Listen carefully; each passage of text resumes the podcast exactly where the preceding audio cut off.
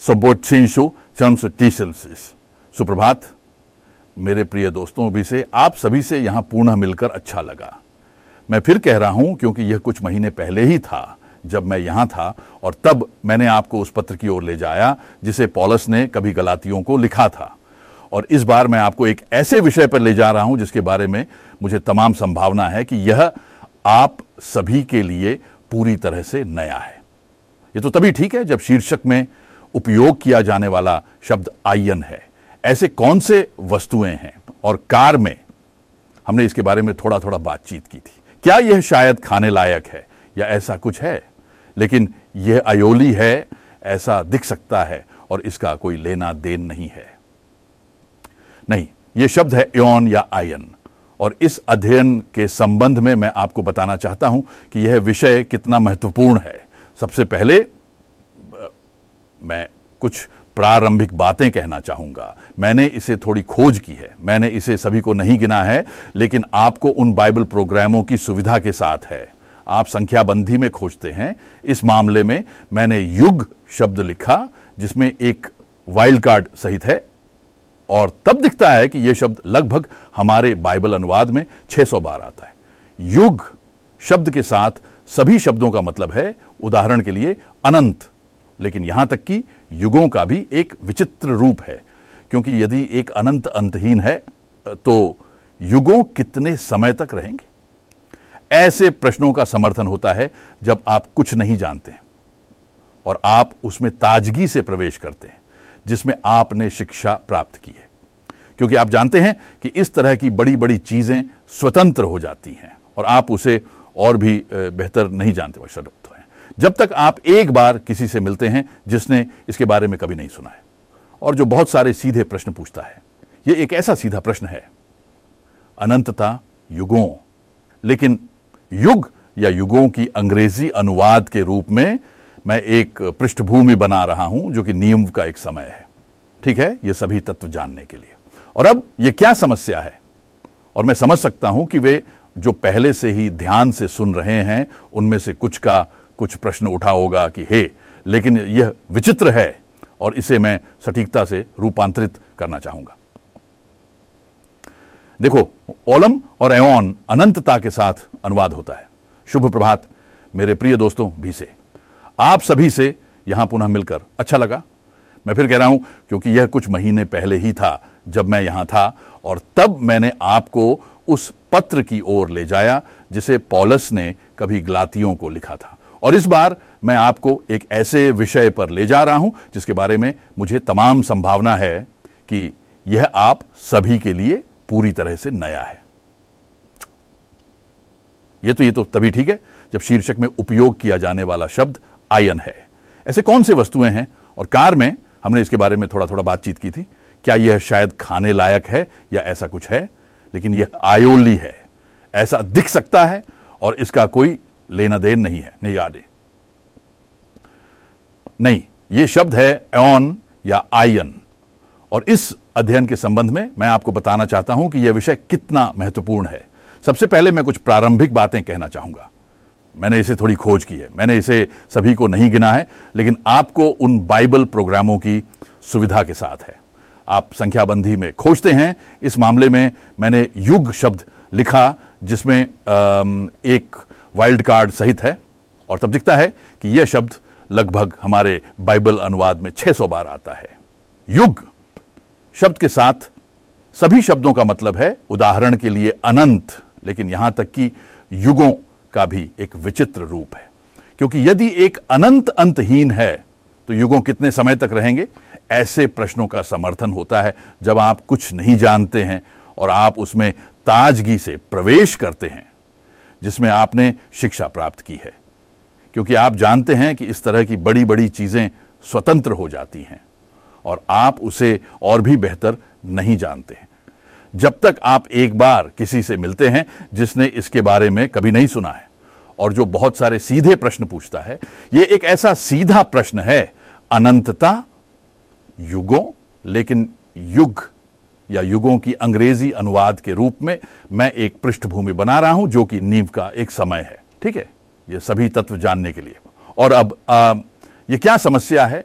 और मैं समझ सकता हूँ कि वे जो पहले से ही ध्यान से सुन रहे हैं उनमें से कुछ का कुछ प्रश्न उठा होगा कि हे लेकिन यह विचित्र है और इसे मैं सटीकता से रूपांतरित करना चाहूँगा। देखो ओलम और एओन अनंतता के साथ अनुवाद होता है। असेत्यमु और हाँ और ना अनंत क्या है? मैंने पहले ही सीखा है। अनंत यह है वह समय जो शुरुआत और समाप्ति के बिना होता है। कम से कम एक समय बिना समाप्ति का समय। अगर यह एक अनंत का समय है तो उसका कभी अंत नहीं होता। यहाँ तक कि यह अनंत है। लेकिन अयन भी शब्द युग का प्रतिष्ठान है और फिर यह स्पष्ट रूप से समाप्त होता है। हम्म। तो फिर आप यह सवाल करते हैं कि ओलम या एओन के साथ यह कैसे है? मुझे वास्तव में यह सवाल करना ही नहीं है, क्योंकि अगर आप इसे किसी सामान्य संदर्भ में खोजते हैं तो आप बहुत जल्दी इस पर पहुँचते हैं और फिर यह सूर्य स्पष्ट होता है। मैं दो उदाहरण देता हूँ। मैंने इसे विश्वकोश में देखा है। हाँ, आपके पास अब तो इसे नहीं है, क्योंकि हाँ, आप सब कुछ विकिपीडिया में खोजते हैं। लेकिन ठीक है, मेरे पास एक पुराने तरीके का विंकलर प्रिंस है, पृष्ठ सेवन नाइन सेवन, संग्रह सात।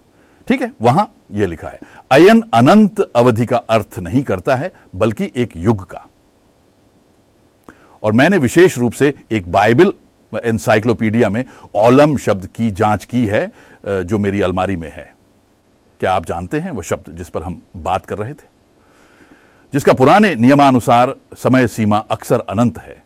यह बहुत लंबा समय है और विशेष रूप से एक छिपे हुए समाप्ति के सात समय का अर्थ है जिसका आप समाप्ति नहीं देखते हैं। इसलिए यह नहीं एक समय बिना समाप्ति बल्कि एक समय है जिसके अंत को आप नहीं देखते हैं।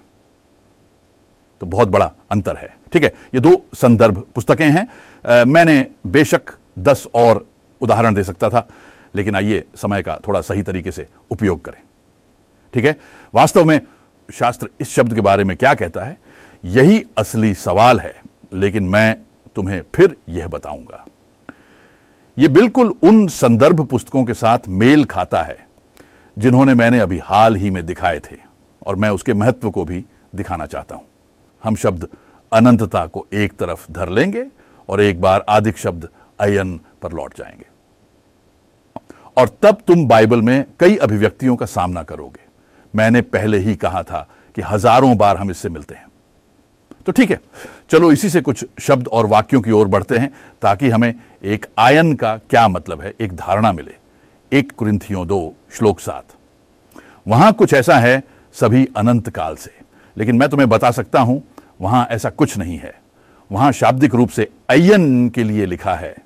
हे यह दिलचस्प है, क्योंकि इसका अर्थ है कि एक अयन और अयनेन एक से अधिक का समय का आरंभ हुआ है। और यहाँ और भी मज़ेदार बात है, क्योंकि एक अयन और अयनेन में एक समय था जो पहले हुआ था। यही शब्द का अर्थ है। और यह दिलचस्प है, क्योंकि यह दिखाता है कि एक अयन एक अयन शुरू होता है। वह एक प्रारंभिक समय था। और यह दिलचस्प है, क्योंकि एक अयन एक प्रारंभिक समय नहीं है। नहीं अयनों का समूह एक प्रारंभ है, क्योंकि उससे पहले एक समय था। और यह बहुत अच्छा है, जब आप इसे वन कुरिंथियों दो में पढ़ते हैं तो आप पढ़ते हैं कि वह क्या है जो भगवान ने हमारे लिए निर्धारित किया है कि उसका एक योजना है। भगवान की एक योजना है। यह उसे अफेसी तीन में भी इस तरह से कहा जाता है, एक अयन की योजना और एक योजना तुम बनाते हो और फिर उसे काम में लाते हो और उसमें भगवान भी शामिल है। लेकिन उसका एक योजना है और उसके पहले ही कुछ भी नहीं था अयनों की प्रारंभिक समयों से पहले वह वहाँ था। और उसकी एक योजना थी, एक संकल्प, और उसकी योजना में हम शामिल हैं। बहुत अच्छा। लेकिन अयन के लिए, ठीक है, मैं थोड़ी देर के लिए कई शास्त्र स्थलों की यात्रा करूँगा ताकि एक अयन का अब असलीता क्या है? एफिसियों तीन श्लोक नौ में एक अयन का रूप लिया गया है। हम जानते हैं कि अयनों का एक प्रारंभ हुआ था। क्योंकि उससे पहले एक समय था जो इसके पहले था। इसलिए बिना शुरुआत के एक अनंत अयन की धारणा मौजूद नहीं है। लेकिन बाइबल भी विचार करती है कि अनुपस्थित अयन या किसी अनुपस्थित समय की बात है। इसका अर्थ है कि पहले से ही कुछ अयनों का समय बीत गया है अयनों का समय बीत गया है। तो अयनों का एक प्रारंभ हुआ था और उनके बाद भी वे आते रहे हैं। देश देजों तो एक अयन दूसरे के पीछे आता है। एफेसियों तीन में पॉलस भी अयनों की योजना के बारे में बोलता है। उनका कहना है कि भगवान ने उस योजना को अयनो हर के पहले ही अपनी सोच में रखा था। एक और उदाहरण है मत्ती खैट्स श्लोक 20 आप शायद इसे जानते हैं। वहाँ यह है यह लगभग मत्ती इंजिल का अंत है। और वहाँ यह कह, कहता है यहाँ पहले जब वह आसमान चढ़ा ओलिफबर्ग से तब तुम पढ़ते हो कि उसने उन्हें अपने शिष्यों में सभी जातियों को अपना शिष्य बनाने का बड़ा कार्य देने के बाद कहते हैं जो बाद में इसराइल के लोगों द्वारा पूरा किया जाएगा लेकिन यह विचार से हटा है। लेकिन तब उसने कहा मैं हूँ। देखो मैं तुम्हारे साथ हूँ तुम्हारे सारे दिनों के लिए जब तक कि ए, हाँ नौ। ये उस पर निर्भर करता है कि आपके पास कौन कौन सी अनुवादें हैं। क्योंकि कुछ अनुवाद दुनिया के अंत तक कह रहे हैं कभी कभी ऐसा दिखाया जाता है। और कभी कभी यह दुनिया के अंत के साथ दिखाया जाता है, लेकिन यहाँ सीधे रूप से एन के अंत तक है। इस पर ध्यान देना महत्वपूर्ण है, क्योंकि इसका मतलब है कि एक अयन हमने पहले ही पिछले शब्दों से निष्कर्ष रूप से निष्कर्ष किया था, लेकिन अब तुम इसे स्वयं भी देख रहे हो, एक अयन या इस अयन का एक अंत है। सोचो, यदि उन्होंने इसे, इसके लिए स्थिरता से अनुवादित किया होता और यहाँ इसे अनंतता लिखा होता। मैं देखता हूँ, मैं तुम्हारे साथ हूँ अंत तक या अनंतता के अंत तक। माफ़ कीजिए, अनंतता का अंत? मेरा ख्याल था कि अनंतता में तो समाप्ति नहीं होती है। अजीब नहीं? हाँ, लेकिन ऐसा नहीं है। यह एक अयन का अंत है। और फिर मेरे पास एक उदाहरण और है, क्योंकि अयन समाप्त होता है। लेकिन मैं तुम्हें यह बताऊँगा, ये अयनों का समाप्त होना नहीं है। हाँ, क्योंकि एक नया अयन आता है।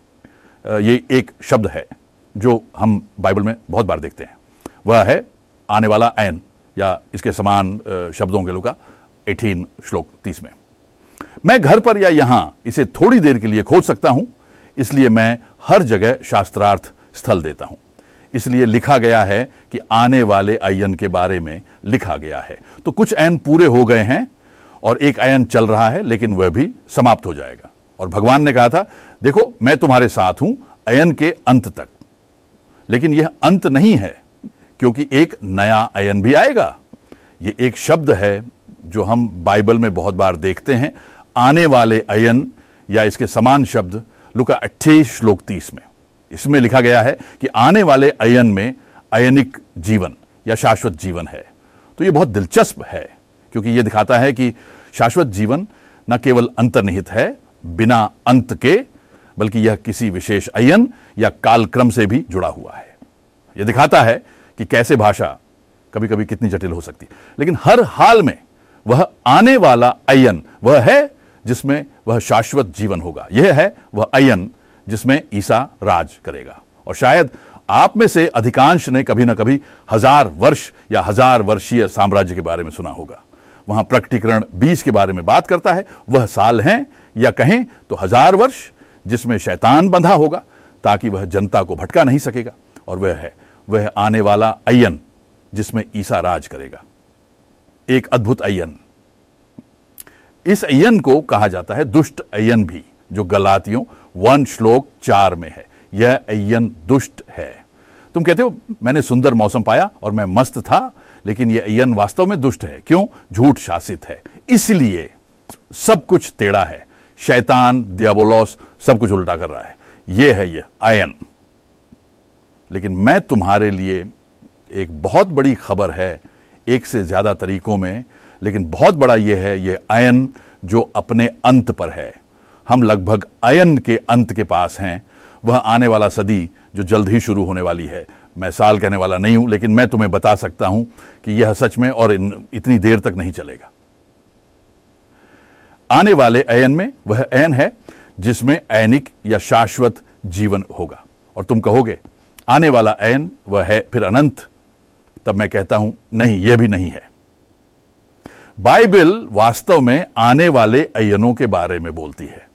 बहुवचन तो आने वाले अयन वह हज़ार वर्षों का अयन नहीं है।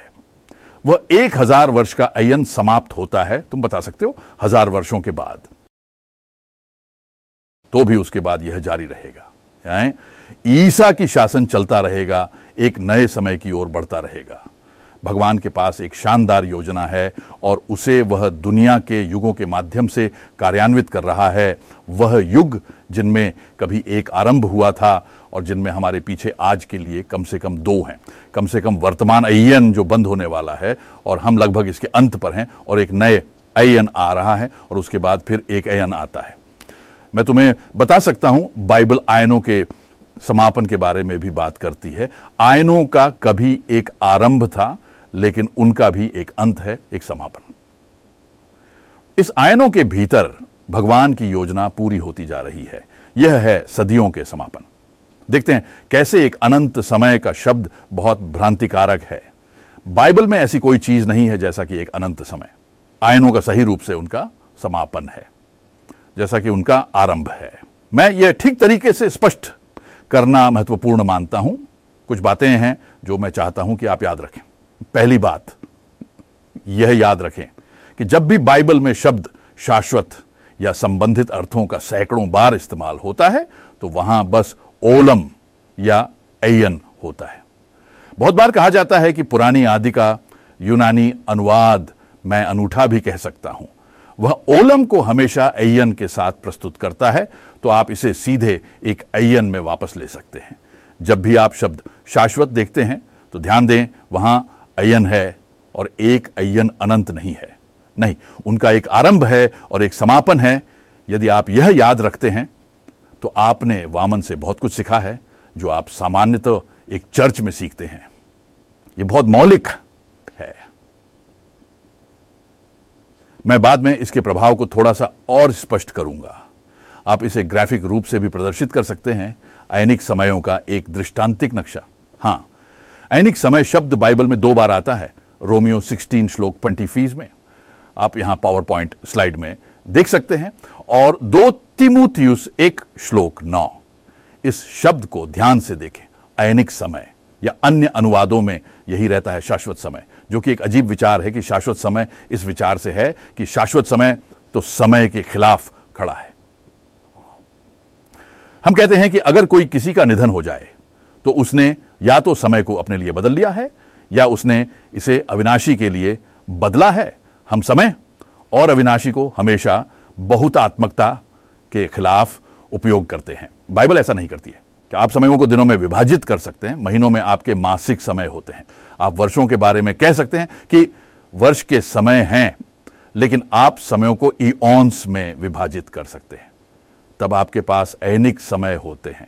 मैंने अभी कहा था, तुम उन अयानिक समयों से एक चार्ट बना सकते हो, क्योंकि वास्तव में अगर तुमने अच्छी तरह से सुना है और तुम एक छवि सोचने वाले हो तो तुमने अपने दिमाग में पहले ही एक चित्र बना लिया होगा।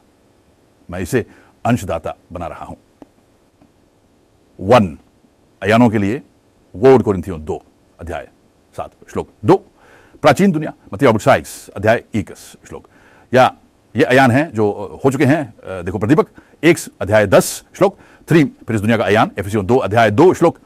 यह है वर्तमान अयान, एफिसियो, एक अध्याय इक्कीस श्लोक, फोर, आने वाले अयान, देखो एफिसियो, एक अध्याय इक्कीस और लुका अठारह, अध्याय थ्री श्लोक, फाइव, अयान दे अयान, देखो एफिसियो तीन, अध्याय इकतीस श्लोक। ये आने वाले अयान हैं। देखो, एपिसोड दो, अध्याय सात, श्लोक। अंत में बिंदु सिक्स, अयानों का समापन, इब्रानियो नाइन, अध्याय पच्चीस, श्लोक। इस पर एक विवरण तो तुम्हारे पास वॉन्स के लिए समय है, और फिर तुम पहले अयान, विश्व की रचना का अयान पा सकते हो। वास्तव में वह दुनियाएँ उन समयों के साथ सिंक्रन है, विश्व समयों के साथ तो तुम्हें विश्व की रचना मिलती है। यह कितने समय तक चला होगा यह एक अलग कहानी है लेकिन हर रूप में। और फिर आदम से नौ के लिए उस समय तक जिसे बाइबल में प्राचीन दुनिया उस समय कहा जाता है। और अगर तुम उन एॉन्स को एकत्र करो तो इसे प्रदीपक वन अध्याय दस में कहा गया है। लेकिन एफिसियो तीन जो गुजर गए हैं भूतकाल में और फिर आ, तुम्हारे पास इस दुनिया का भी एक अयान है। तो हम इसमें हैं। मैंने कहना चाहा मध्य में, लेकिन यह सही नहीं है। हम इस एओन के अंत में हैं। लेकिन यह एओन पहले से चल रहा है, इसलिए वास्तव में नोह से लेकर अब तक। थोड़े और साल दो, फिर यह होगा, फिर यह एओन समाप्त हो जाएगा। यह वर्तमान एओन या इस दुनिया का एओन है। जैसा कि आप, आपके पास पहले विश्व भी था और ऐसा कुछ। लेकिन यहाँ बात खत्म नहीं होती है। आपके पास पहले ही कहा गया है कि आने वाले एओन है, हज़ार वर्ष। और फिर आपके पास उसके बाद एक और एओन है, और वह है सबसे अधिक है, वह है एओन की एओन क्या बात है कि अनुवादों में मुश्किल है चीज़। हमारे सामान्य बाइबल अनुवाद में आपको ऐसा कुछ नहीं मिलेगा। वहाँ सब ईश्वरीय के साथ दिखाया गया है। लेकिन श्रुति इतनी सटीक है, आप इसे यथार्थ रूप से ग्राफिक रूप से प्रस्तुत कर सकते हैं। और तो आपके पास आने वाले एओन है तो हमारे पीछे कई एओन है। आपके पास एक ऐसा एओन है जो पहले से ही कुछ हज़ार वर्षों से चल रहा है और फिर आपके पास आने वाले एओन है और यह बात भी अंत हो जाएगी एओनों का समापन। और फिर भगवान की योजना पूरी हो जाएगी। आप इसे एक कुरिंथियों पंद्रह में पढ़ सकते हैं, तब भगवान सब में सब कुछ हो जाएगा। यह भगवान के सभी मार्गों का महत्वपूर्ण परिणाम है, महत्वपूर्ण समापन है और सभी वस्तुएँ उससे हैं एवं के लिए उसे द्वारा है। उसने इसे व्यवस्थित किया और इसे मार्गदर्शन किया। उसने इसे वहाँ पहुँचाया है जहाँ उसकी आवश्यकता है। और सभी वस्तुएँ फिर से उसमें हैं, जैसे कि वहाँ से बाहर आता है, वैसे ही वहाँ वापस उसमें पहुँचता है। सभी, इन सभी समयों, विश्व समयों, एओनों के माध्यम से। हम कुछ निष्कर्ष निकालते हैं इसे प्रमुख सिद्धांतों के रूप में। पाँच, महत्वपूर्ण सिद्धांतों के रूप में। पहला, मैंने पहले ही इसे इशारा किया है, लेकिन मैं इसे सुस्त रखना चाहता हूँ, इसे ठीक ठीक से पंक्तिबद्ध रूप में रखना चाहता हूँ। एओन्स का एक शुरुआत और एक समापन है मनुष्य सभा इसलिए यह बहुत महत्वपूर्ण है। यदि आप इसे नहीं देखते हैं तो आपने जो मैंने अभी तक प्रस्तुत किया है, उसको कुछ भी समझा नहीं है। योन्स का एक शुरुआत और एक समापन, ठीक है, नंबर टू। जब शीघ्र ही यीशु मसीह वापस लौटेंगे, जैसा कि बाइबल में कहा जाता है, और यह एओन समाप्त होता है, और एक नई एओन शुरू होता है, जब यीशु मसीह वापस लौटते हैं तो यह एक अनंत शाश्वतता नहीं लाता है। यह वह विचार है जो पारंपरिक रूप से हमेशा क्रिश्चियन विश्व में सिखाया गया है। मैं भी इसके साथ बड़ा हुआ हूँ। तब कहा जाता था, हम अब अपने जीवन को जी रहे हैं और फिर जब हम मरते हैं या प्रभु के वापसी के समय तो बड़ी अनंत शाश्वतता आती है। किसी के लिए यह पहचानी जा सकती है। जो मैं अब कहूँगा, वह या तो अनंत अच्छा है या अनंत बुरा है। और फिर उससे अच्छा तो वास्तव में अच्छा है। क्योंकि फिर लोग अंत में नर्क का तात्पर्य कर रहे हैं, जिसमें कभी भी अंत नहीं होता है। लोग नहीं जानते कि नर्क वास्तव में एक भूगोलिक स्थान है। जेरूसलेम के दक्षिण में नाम के साथ गहना कहा जाता है, बेन हिन्नोम का घाटी। लेकिन यह एक अन्य अध्ययन है। यीशु मसीह के पुनरागमन के समय अंत में नहीं, एक अनंत शाश्वतता तोड़ता है। इस धारणा को बाइबल को तक पता नहीं है। बाइबल यौनों की बात करती है और फिर उन यौनों का आरंभ होता है जिनमें वह शासन करेगा। हाँ, और तब आपको अनंत जीवन मिलता है। जिसका अर्थ है उस आने वाले युग का जीवन। और यदि संभावना हो तो आने वाले युगों का जीवन। यह वह शानदार भविष्य है जो फिर शुरू होने वाला है। लेकिन यह अनंत शाश्वतता नहीं है। ये वे युग हैं जिनमें भगवान को अभी भी पूरा करने की योजना है, क्योंकि उसने इसमें भी एक योजना बनाई है। तब कास्ट अब मैं एक और चीज़ पर आता हूँ। अगर मैं अब सवाल पूछता हूँ कि कृपया बताएँ क्राइस्ट का शासन कितने समय तक होगा? कुछ लोग कहते हैं, यह गिरजाघरीय थियोलॉजी है। आज भगवान शासन कर रहे हैं। सच कहूँ तो मैं यह कहने के लिए शर्मिंदा होऊँगा कि यह उनका शासन है। वो कोई राजा तो है, वह सच है, लेकिन उनका शासन अभी तक नहीं है। उन्होंने जल्द ही उस शासन को संभाला है वहाँ जेरूसलेम में। और फिर वह क्रमशः क्रियावली को संभालेगा। लेकिन यह भविष्य है। और फिर अब सवाल कि क्राइस्ट कितने समय तक शासन करेंगे? हाँ वह बहुत दिलचस्प है क्योंकि फिर आपको विभिन्न जवाब मिलते हैं, क्योंकि कुछ लोग कहते हैं, उनका शासन हमेशा के लिए है, हमेशा के लिए है अनंत काल तक ईसा शासन करेगा। इसका उल्लेख बाइबल अनुवादों में भी है। उदाहरण के लिए लुका वर्ण अध्याय तैतीस में। वहाँ मरिया से कहा जाता है कि उसका एक बच्चा होगा और तब लिखा गया है। और वह अपने पिता दाऊद की सिंहासन पर बैठेगा और वह हमेशा के लिए शासन करेगा। और प्रकटीकरण गाथा ग्यारह, शिखा पंद्रास में वहाँ और भी मज़बूत है। वहाँ हमारे अनुवादों में लिखा है, उसने शासन को अपने ऊपर लिया है, वह शासन करेगा अनंत के अनंत में। यदि किसी एक अनंत का अंत नहीं होता है तो क्या ऐसा नहीं है कि उसे अनंत्यों में बिल्कुल नहीं होगा? तो स्थिति, वह हमेशा शासन करेगा लगता है। लेकिन आप भी जानते हैं। कम से कम वहाँ मैं जाता हूँ। पॉल ने उस महान अध्याय को वहाँ से बात करते हैं, जो पहले कुरिंथियों का पांचवा अध्याय है, जिसमें उन्होंने हमारे प्रभु यीशु मसीह की पुनरुत्थान की बात की है।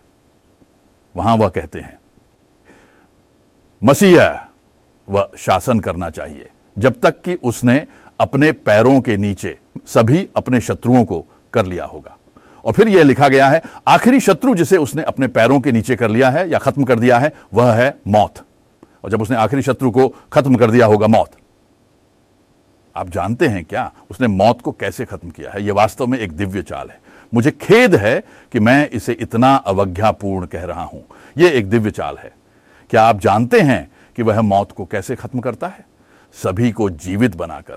जैसा कि आदम में सभी मरते हैं, वैसे ही कृष्ण में सभी को जीवित बनाए जाएँगे, केवल प्रत्येक अपने अपने श्रेणी में। अगर सभी लोग जीवित हो जाएँगे, हाँ तो फिर मौत नहीं होगी। और फिर यह लिखा गया है, और जब सभी वस्तुएँ उसके अधीन होंगी, और उसने आखिरी शत्रु को भी खत्म कर दिया होगा, तब वह एक पूर्ण और पूरा राज्य, जिसमें कुछ और कोई भी नहीं छूटेगा उसे अपने ईश्वर और पिताजी को लौटा देगा, जिसने उस पर सब कुछ सौंपा था। और फिर वहाँ लिखा गया है, तब वह सिंहासन से दूर हो जाएगा। हाँ यह सच है। इसे एक कोरिंथियों पंद्रह में देखें, फिर वह राजा की सिंहासन से अलग हो जाएगा और फिर वह अपने परमेश्वर और पिताजी को अपने राज्य को सौंपेगा। और फिर वहाँ लिखा है, ताकि भगवान सब कुछ सब में हो। देखो यह परमेश्वर के योजना का समापन है। ईसा महान और सभी में है, जो कुछ नहीं और कोई नहीं छूटेगा। यीशु मसीह आयु वर्गों तक शासन करता है, हाँ, लेकिन अनंत नहीं।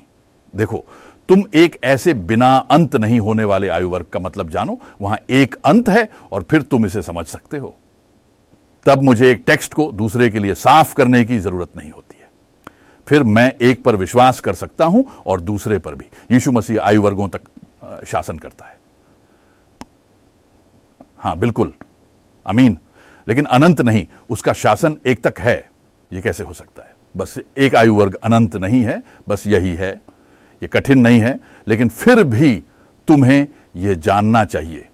मैं चाहता हूँ कि आप इसे सावधानी पूर्वक देखें और मेरे शब्दों पर बिना कुछ माने। मैं बिल्कुल यह कह रहा हूँ, मुझ पर विश्वास न करें, खुद बाइबल में जांचें खुद देखें कि वहाँ जो मैं कह रहा हूँ वह सच है या नहीं।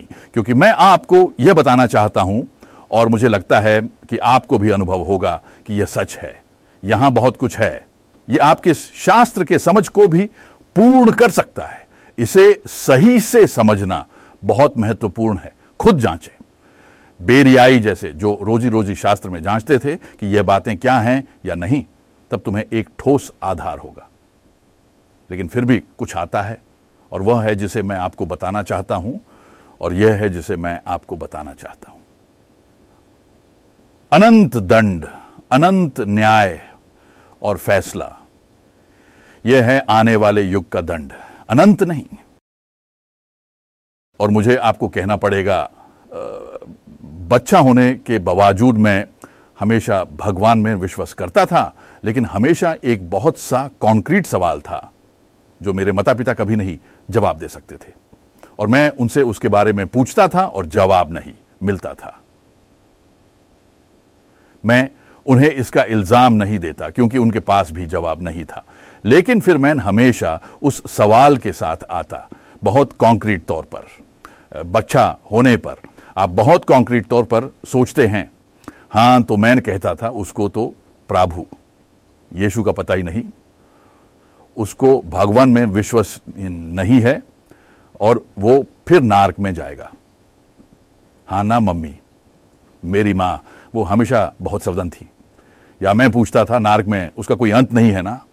इटर्निटी कितनी देर तक होती है? अंत नहीं आता और मुझे यह समझ नहीं आता था। और दसरों साल बाद भी मुझे वो सवाल था, मुझे समझ नहीं आता। ये कैसे हो सकता है? मेरा मतलब है कि भगवान सजा देते हैं और न्याय करते हैं। यह तो एक वेदिच सच्चाई है। ये हर पेज पर लिखा है। सोडोम और गुमोर्रा की कहानी पढ़ो, जोंद व्लोइड की कहानी पढ़ो। भगवान न्याय करता है, वो ठीक करता है और वो कभी कभी कभी भयानक होता है। लेकिन फिर साम्स थर्टी वर्स चेक्स में लिखा है। उसकी क्रोध एक पल तक होता है। लेकिन उसकी कृपा सारी ज़िंदगी तक रहती है। देखो, ये संजय है एक अनंत क्रोध और सजा। ये मेरे ईश्वर के बारे में जो मैं जानता हूँ, उसके साथ बिल्कुल विपरीत है। वह सब कुछ अच्छे तौर पर समाप्त करेगा। यह जान लेते हुए जब मैंने यौनों का दृष्टिकोण प्राप्त किया कि एक अनंत एक यौन है और उसमें एक शुरुआत और एक अंत होता है, तब मुझे एहसास हुआ। हाँ? मैं ये थोड़ा ज़्यादा कह रहा हूँ शायद। शायद ये थोड़ा ज़्यादा लग रहा हो, लेकिन ये सच है। मेरे लिए ऐसा है। ये एक बड़ा है। मैं भरोसा करते हैं, कह सकते हैं। मेरे जीवन में सबसे बड़ी खोज यह रही है कि एक आयो में सच में एक शुरुआत और एक अंत होता है। यह क्यों इतना महत्वपूर्ण है? अगर एक अनंत एक अयोन बन जाता है तो फिर इंजील सच में एक अच्छा खबर एक खुशी की खबर बन जाती है। शायद आप में से बहुत से लोगों का एक क्रुस परवाह है। और कैसे शुरू होता है, उसके खूबसूरत शब्दों के साथ। और मुझे लगता है कि यह महत्वाकांक्षी है। हमारी सहायता प्रभु के नाम में है, जो आसमान और धरती को बनाता है, जो वफादार है और जो अपने हाथ की करियाओं को कभी भी छोड़ता नहीं है। उसके हाथ की करिया ये कौन है? ये क्या है? बस सब सब कुछ जो भी उसने बनाया है, उसके हाथ की करिया है, कभी भी छोड़ता नहीं है, कभी नहीं। शायद वो उसे छोड़ देता है, वो न्याय करता है, सजा देता है, लेकिन वो एक पिता और एक बच्चे के साथ हैं माता पिता कभी कभी आपको हस्तक्षेप करना पड़ता है, आपको कभी कभी सख्त हस्तक्षेप करना पड़ता है। ये सब हो सकता है। लेकिन वो आपका बच्चा बना रहता है, क्योंकि वो आपके अंदर से आया है और आप उसे प्रेम करते हैं, निरार्थक रूप से, और आप उसे हमेशा अच्छे परिणाम तक पहुंचाते हैं। ये निरार्थक है। भगवान उसके सृष्टि से प्यार करता है और उसकी हर रचना उसके प्रेम में शामिल है, और चाहे वो कैसे हस्तक्षेप करे, वो प्रेम से करता है। भगवान का दंड उसके प्रेम के विरुद्ध नहीं होता। मैंने ऐसा बहुत बार सुना है, लेकिन भगवान सिर्फ़ प्रेम नहीं है, बल्कि वो दंड भी करता है। क्या बकवास है ये? भगवान प्रेम है, इसलिए वो दंड देता है। क्यों? चीज़ें दोबारा ठीक करने के लिए। यही है जो शब्द न्याय का अर्थ होता है। वो उसे दोबारा ठीक करता है और फिर से यूज़ ठीक करता है। यह उसके प्रेम के विरुद्ध नहीं है। उसकी प्रेम से उत्पन्न होता है। क्योंकि अगर उसके पास प्रेम नहीं होता तो वो कह देता, खुद ही देखो, अलविदा। नहीं, वो हस्तक्षेप करता है, वो क्रिया करता है, वो ऑपरेशन करता है, यही एक सर्जन भी करता है। कभी कभी उसको भी कुछ करना पड़ता है और वो भी बहुत खतरनाक और बुरे चीज़ें करना पड़ती हैं। हाँ, लेकिन ये हमेशा फ़ायदेमंद होता है। भगवान हमेशा उद्देश्य रखता है, जब वो दंड देता है और न्याय करता है हमेशा। और इसलिए वो चीज़ें दोबारा ठीक करता है। और जब आप एक बार समझ जाते हैं कि अयुनोन का एक शुरुआत और अंत होता है तो दांड और न्याय का भी एक शुरुआत और अंत होता है तो वो सब चीज़ें अपने समय और अपने तरीके से वहाँ लाता है, जहाँ वो चाहता है, और मुझे आपको कहना पड़ेगा। तब मेरे लिए इंजील सच में इंजील है। क्यों? कि फिर मैं ये कह सकता हूँ कि भगवान तुमसे प्रेम करता है और तुमसे प्रेम करता है और तुमसे भी। तुमने जो किया है, उसके आधार पर नहीं। हाँ, बिल्कुल, वह पूरी दुनिया से प्रेम करता है और वह तुम्हारा निर्माता है, वह तुम्हारा न्यायी है। वह तुम्हारा उद्धार करता भी है। क्या यह बाइबल में है? हाँ, ये, तुम इसे देख सकते हो, एक तिमुथी उसके चौथे अध्याय के दसवें श्लोक में। पॉलस कहते हैं, हम इसके लिए कठिनाइयों का सामना करते हैं और हमें अपमानित भी किया जाता है, क्योंकि हमारी आशा जीवित परमेश्वर पर टिकी है, जो सभी मनुष्यों का उद्धार करता है, विशेष रूप से विश्वासियों का। विश्वासियों को यह आज पहले ही पता होता है कि वह एक उद्धार करता है। यह स्वाभाविक रूप से नहीं है, लेकिन यह इसलिए है क्योंकि परमेश्वर ने तुम्हारी आँखें उसके लिए खोल दी हैं। बस, इसी से है। इसके अलावा पॉलस ने टिमोथियस फोर श्लोक 11 में यह भी कहा है यह कहो और यह सिखाओ। वन टिमोथियस फोर इलेवन यह खुद जांचे। अच्छा अब मैं दो श्लोकों के साथ समाप्त करना चाहता हूँ। दो टिमोथियस वन, श्लोक नाइन और टेन यहाँ एक बहुत अच्छा और अच्छा संक्षेप है। वह कुछ है जो मैं आज सुबह के लिए लाना चाहता था। यहाँ यह कहा गया है, जो और फिर यह परमेश्वर के बारे में है। परमेश्वर जो हमें उद्धार करता है और पुकारता है, उस शब्द पुकारता का ग्रीक भाषा में व्याकरण समय रूप में है, अर्थात सिर्फ़ एक समय रूप घटना के रूप में। इसका यह मतलब नहीं है कि यह हुआ है या कुछ नहीं। यह एक समय रूप तथ्य है। परमेश्वर जो हमें उद्धार करता है और पुकारता है, एक पवित्र बुलाई गई के साथ। हमारे कर्मों के आधार पर नहीं, बल्कि उसके स्वयं के इरादे और कृपा के अनुसार। देखो, परमेश्वर का एक इरादा है। परमेश्वर परमेश्वर है, उसने सब कुछ अपनी जगह पर रखा है, वह कुछ भी नहीं है। मैंने अपने पिताजी से प्राप्त किया है। आप मुझसे कोई चीज़ बताइए जिसे आपने प्राप्त नहीं किया हो या जिसमें आपने योगदान नहीं दिया हो। नहीं, ऐसा कुछ नहीं है, क्योंकि मैं उससे नहीं हूँ। आप जो सोचते हैं, वह है अभिमानी हो जाना है। यह एक इंजीली क्रिश्चियन की अविश्वसनीयता है, लेकिन मैं इसे कहने जा रहा हूँ। ये लोग कहते हैं, हाँ, मैंने, मैं बचा हूँ, क्योंकि मैंने यीशु को चुना। क्या आपके पास कुछ है? फिर भी वह अपना काम है, तुमने चुना है। जो दूसरा वहाँ नहीं करता था, वह अबोध था। लोग इसे भूल जाओ। परमेश्वर आँखें खोलता है, वह तुम्हें विश्वास देता है, वह तुम्हें प्रमाणित करता है और वह अपने समय और अपने तरीके से करता है। कभी कभी लोग कहते हैं, मैंने परमेश्वर की खोज की है। यशाया यहाँ पहले ही लिख रहे हैं और पॉलुस इसे रोमियो पत्र के नौ अध्याय तीस श्लोक में उद्धृत करते हैं। तब उन्होंने मुझसे पाया है जिन्होंने मुझे नहीं खोजा था। इसलिए इसमें काम का कोई संबंध नहीं है। ये इतना सूक्ष्म है, हमेशा हम यही सोचते हैं। फिर कहते हैं, प्रभु ने सब कुछ किया है। मुझे बस एक बात करनी थी, उसका चयन करना था। ठीक है, अंतिम स्पर्श मानव का था तो अपनी जय गाठा यह वास्तव में यही बात है कि आपने सबसे महत्वपूर्ण चीज़ की है। सब कुछ उससे है और हमसे कुछ नहीं है। हमारे कर्मों के आधार पर नहीं, बल्कि उसके स्वयं के इरादे और कृपा के अनुसार जो हमें कृष्ण में दी जाती है। शाश्वत समय के लिए। हाँ, यहाँ ये ग्रीक शब्द है, शाश्वत समयों के लिए। और अब तुम जानते हो कि मैं क्या कह रहा हूँ। मैं स्वीकार करता हूँ, तुम्हें इस शब्द के साथ थोड़ी सी आदत होनी चाहिए, लेकिन यह कुछ बार सुनने के बाद तुम जान जाओगे।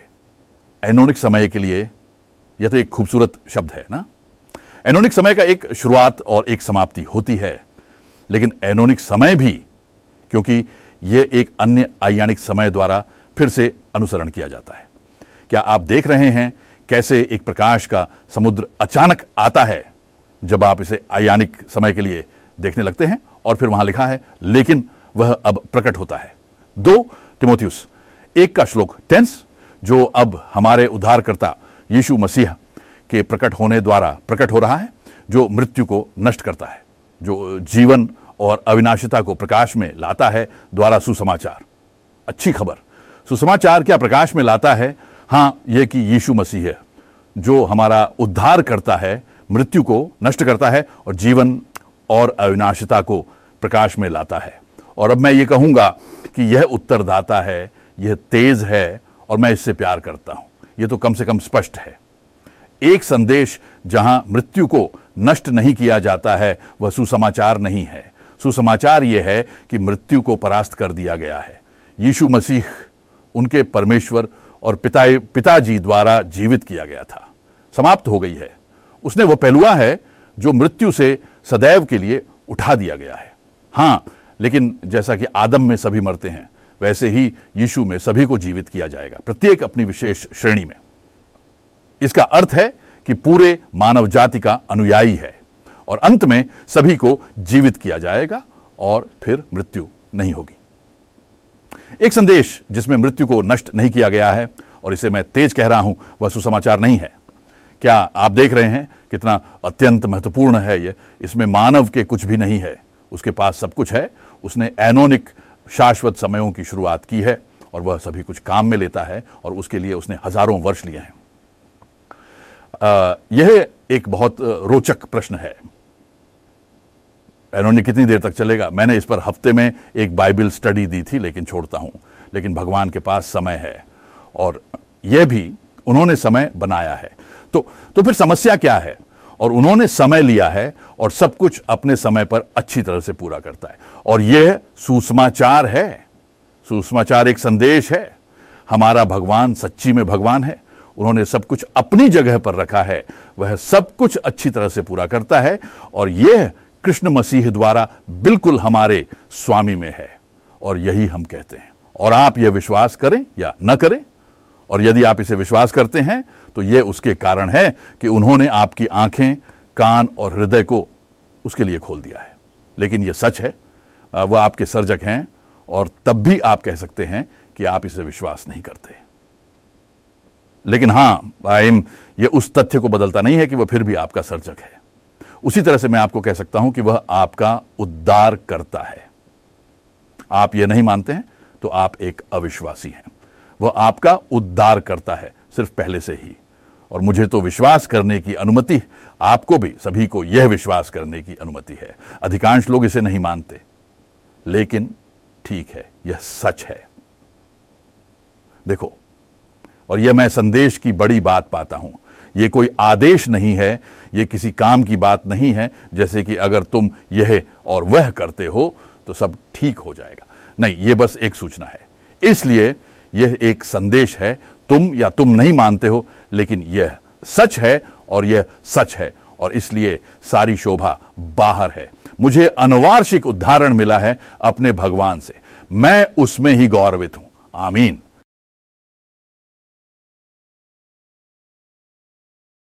तुमने सुनने के लिए धन्यवाद। यह नीदरलैंड फाउंडेशन गुड बराइट का एक अध्ययन था, जिसमें अपोस्टल पॉलस की उपदेशों पर ज़ोर दिया गया था और ग्रीक मौलिक टेक्स्ट का ज़्यादा से ज़्यादा उपयोग किया गया था, एक सामान्य बाइबल अनुवाद की बजाय। क्या आप पॉलस के इंजील के बारे में और जानना चाहेंगे? यह डब्ल्यू डू डब्ल्यू गोडबेरिक्ट डेनल लालू के माध्यम से किया जा सकता है। क्रोम या फायरफॉक्स ब्राउज़र के माध्यम से एक भाषा एड ऑन के साथ नीदरलैंड्स वेबसाइट को स्वच्छ रूप से आपकी पसंद की भाषा में अनुवादित किया जा सकता है। यह बाइबल अध्ययन पहले नीदरलैंडी भाषा में प्रस्तुत किया गया था और एआई के माध्यम से तुम्हारी भाषा में अनुवादित किया गया है।